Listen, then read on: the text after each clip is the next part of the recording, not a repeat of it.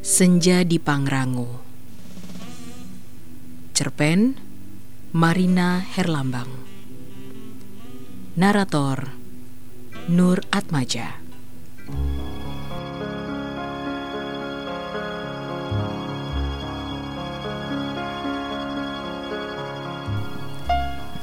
Dari kabut yang mulai tipis di antara daun dan semak setapak Pangrango, matamu sayup menatap kosong bebatuan. Jalan seolah tak berujung dengan bebatuan yang tidak sama rata. Kakiku terpeleset oleh licin lumut yang menempel di setiap batu. Kamu berjalanlah di depanku. Ucapmu Sesaat ku perhatikan wajahmu. Wajah itu nampak sedikit berubah dengan bulu-bulu di bawah hidung dan sekitar dagu. Mungkin dia sedang malas bercukur beberapa hari ini. Atau memang dia sengaja memelihara kumis dan janggutnya. Aku sadar satu hal, bahwa usia kami sudah semakin dewasa bahkan menua. Kita hanya bisa menunggu waktu sampai waktu mempertemukan dan membawa kami ke lembah ini. Pangrango. Tanpa banyak berucap, aku berjalan di depannya, membiarkan waktu tercipta hening. Kami sama-sama diam. Entah karena berkonsentrasi dengan jalan setapak yang harus dilewati, atau kami diam dengan pikiran kami masing-masing, atau mungkin dia sedang memikirkan aku dan kekasihnya yang sekarang, dan aku pun sedang memikirkan dia dan kekasihku yang sekarang. Entahlah, kami terbalut hening Kadang aku masih belum percaya bahwa laki-laki yang hari ini bersamaku mendaki jalan setapak adalah dia.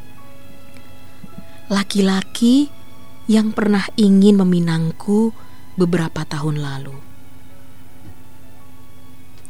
Adikku sudah menikah. Coba kau dekati ibuku. Siapa tahu dia memungutmu jadi menantu. Aku tercekat dia sahabatku, atau mungkin kepalanya habis terbentur batu ketika mendaki Gunung Semeru. Masa aku harus mendekati ibumu?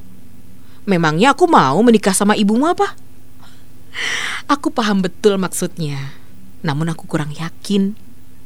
Ya enggak lah, bodoh sekali kamu ini. Kami sempat melakukan beberapa hal. Memberitahu orang tuaku, memberitahu orang tuanya, mencari waktu kapan, hingga suatu hari ketika rasa ingin memiliki begitu kuat, namun harus terbentur dengan jarak. Keegoisan untuk saling mempertahankan pendapat masing-masing. Aku harus pergi ke Michigan. Kita menikah sekarang. Jangan pergi. Menikah denganmu adalah impianku. Namun kau tahu upayaku untuk mendapatkan beasiswa itu? Waktu akan merubah siapa pun, termasuk kau dan aku. Matamu merebak. Aku bersikukuh dengan pendapatku. Begitupun juga dirimu.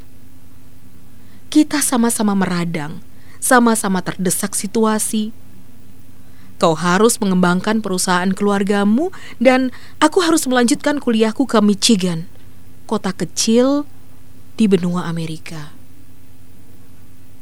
Baiklah, tak perlu ada komitmen. Jika itu kau anggap akan mengungkungmu, selesaikan urusanmu, begitu juga aku. Jika kita berjodoh, kita akan kembali bertemu. thank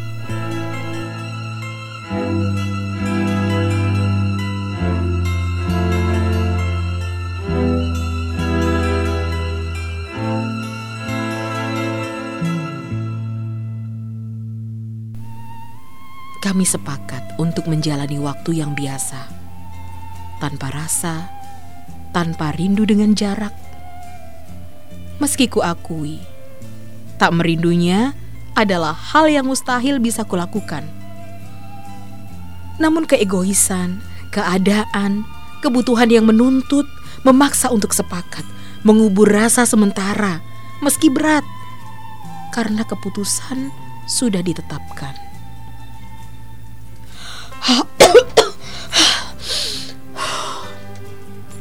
Aku berhenti, nafasku sesak. Aku mulai terbatuk. Kalau capek istirahatlah. Aku duduk di atas batu besar jalan setapak. Batuku semakin keras. Nampaknya aku sudah tidak terbiasa untuk berjalan terlalu jauh. Mau minum? Ada nada khawatir dari suaranya. Aku menggeleng. Sekilas ku perhatikan wajahnya. Kekosongan masih nampak. Kami masih saling diam. Apa yang sedang kau pikirkan? Lelaki berwajah pucat yang pernah menjadi milikku dulu. Masih ku ingat gigilku pada salju Michigan ketika hatiku begitu merindunya. Rasanya lebih sesak dari ini.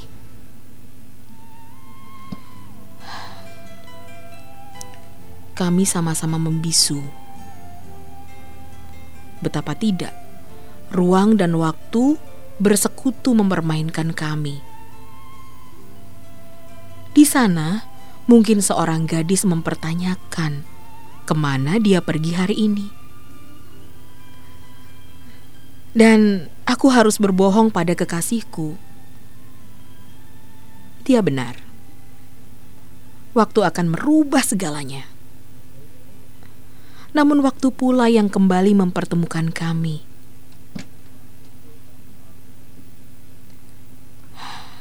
Ingin aku tanyakan, bagaimana kabar percintaannya sekarang? Rasanya aku pun tak akan mampu menjawab jika dia menanyakan hal yang sama padaku. Masih kuingat saat kami berpetualang menyusuri pesisir pantai, bergumul dengan ombak, menyelam, dan bercanda dengan para ikan badut di dasar laut. Atau ketika kami berpetualang pada lembah, bukit, danau, Bahkan ketika kami membuntuti para gerombolan kupu-kupu dan capung di ladang ilalang. Ingin mengulang masa yang sama. Namun tak mungkin. Dia sudah menjadi milik kekasihnya dan aku menjadi milik kekasihku. Sekali lagi, dia benar. Waktu bisa merubah segalanya. Ah! Aku terpekik Kakiku terpeleset. Dengan sigap, tangannya merengkuhku. Cari batu yang rata untuk pijakan. Ah, sepertinya habis gerimis. Batunya jadi agak licin. Ucapnya tanpa menoleh ke arahku. Maklum, aku sudah tua. Sudah lama tidak mendaki. Rasanya capek sekali. Nafasku terengah-engah. Sambil berjongkok, aku mengatur nafas dan batuku. Istirahatlah dulu. Kita lanjutkan beberapa menit lagi. Aku hanya mengangguk, kemudian duduk pada batu besar di pinggir jalan setapak. Sebaiknya kita mendaki tak perlu sampai puncak ya. Kau akan kehabisan tenaga nanti. Aku hanya mengangguk. Sambil menarik nafas, ku perhatikan tatapannya yang masih kosong. Begitupun dengan aku. Kemudian kami terus berjalan, mendaki dan terus mendaki. Melewati beberapa telaga yang dulu pernah mengukir cerita tentang aku dan dia. Tak perlu ke lembah Edelweiss. Dia memandangku untuk beberapa saat.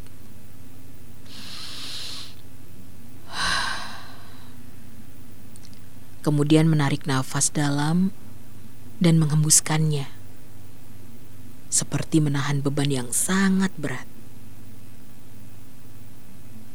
Baiklah, kita mendaki sampai Curug Cibrem saja. Aku mengangguk. Sebenarnya hatiku yang lelah, tersesat pada labirin-labirin kenangan bersamanya. Dan aku harus kembali terdampar pada kenyataan bahwa dia bukan milikku lagi. Derasnya air terjun mengingatkanku pada musim gugur di Michigan.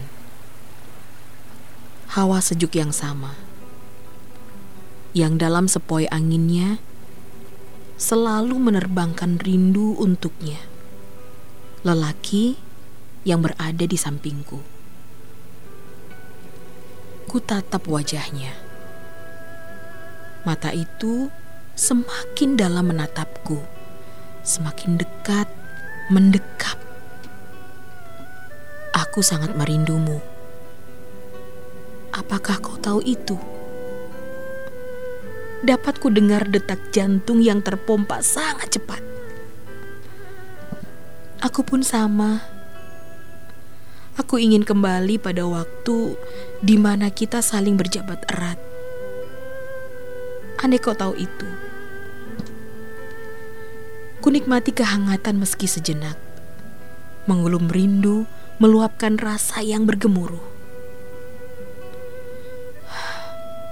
Kita harus pulang. Perlahan, ku renggangkan tubuhku aku merasa terdampar pada hutan ingatan kami. Kami lupa bahwa seharusnya ini tak pernah terjadi. Kita pulang sekarang. Kau masih lekat menatapku. Berlarilah bersamaku. Kemudian tanganmu menggenggam erat tanganku pada perjalanan pulang kita tak hanya berjalan menuruni jalan setapak, kadang berlari, juga melompat. Tak kurasakan rasa lelah, meski batu-batu mulai membuat lecet jempol kaki. Beberapa kali aku terpeleset, beberapa kali juga tanganmu yang kokoh merengkuhku. Kita tak akan terjatuh, percayalah padaku aku akan melindungimu. Kau tersenyum. Wajahmu tak lagi kosong. Sorot matamu begitu hidup.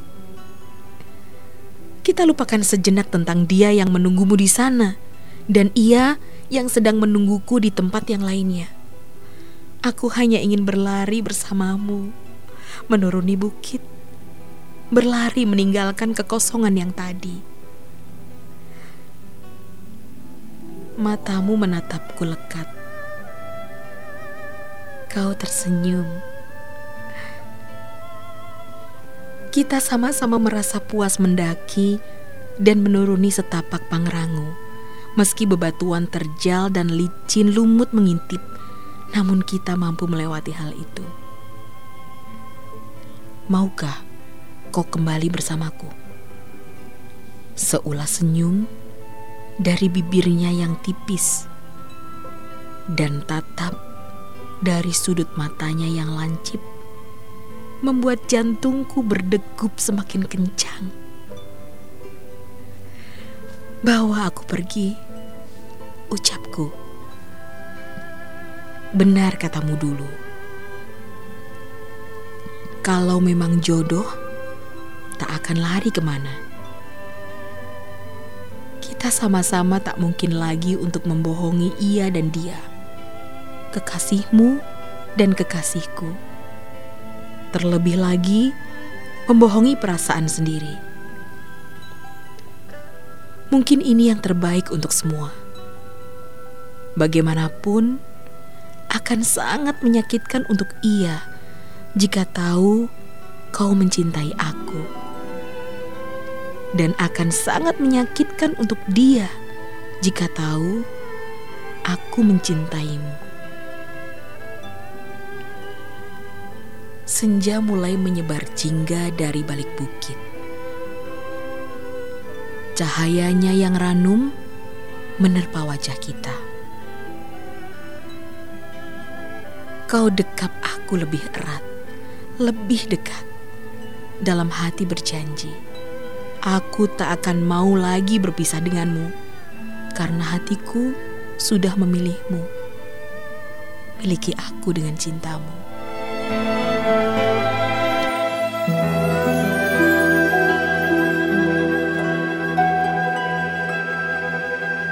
Sastra suara ini dipersembahkan oleh divalitera.org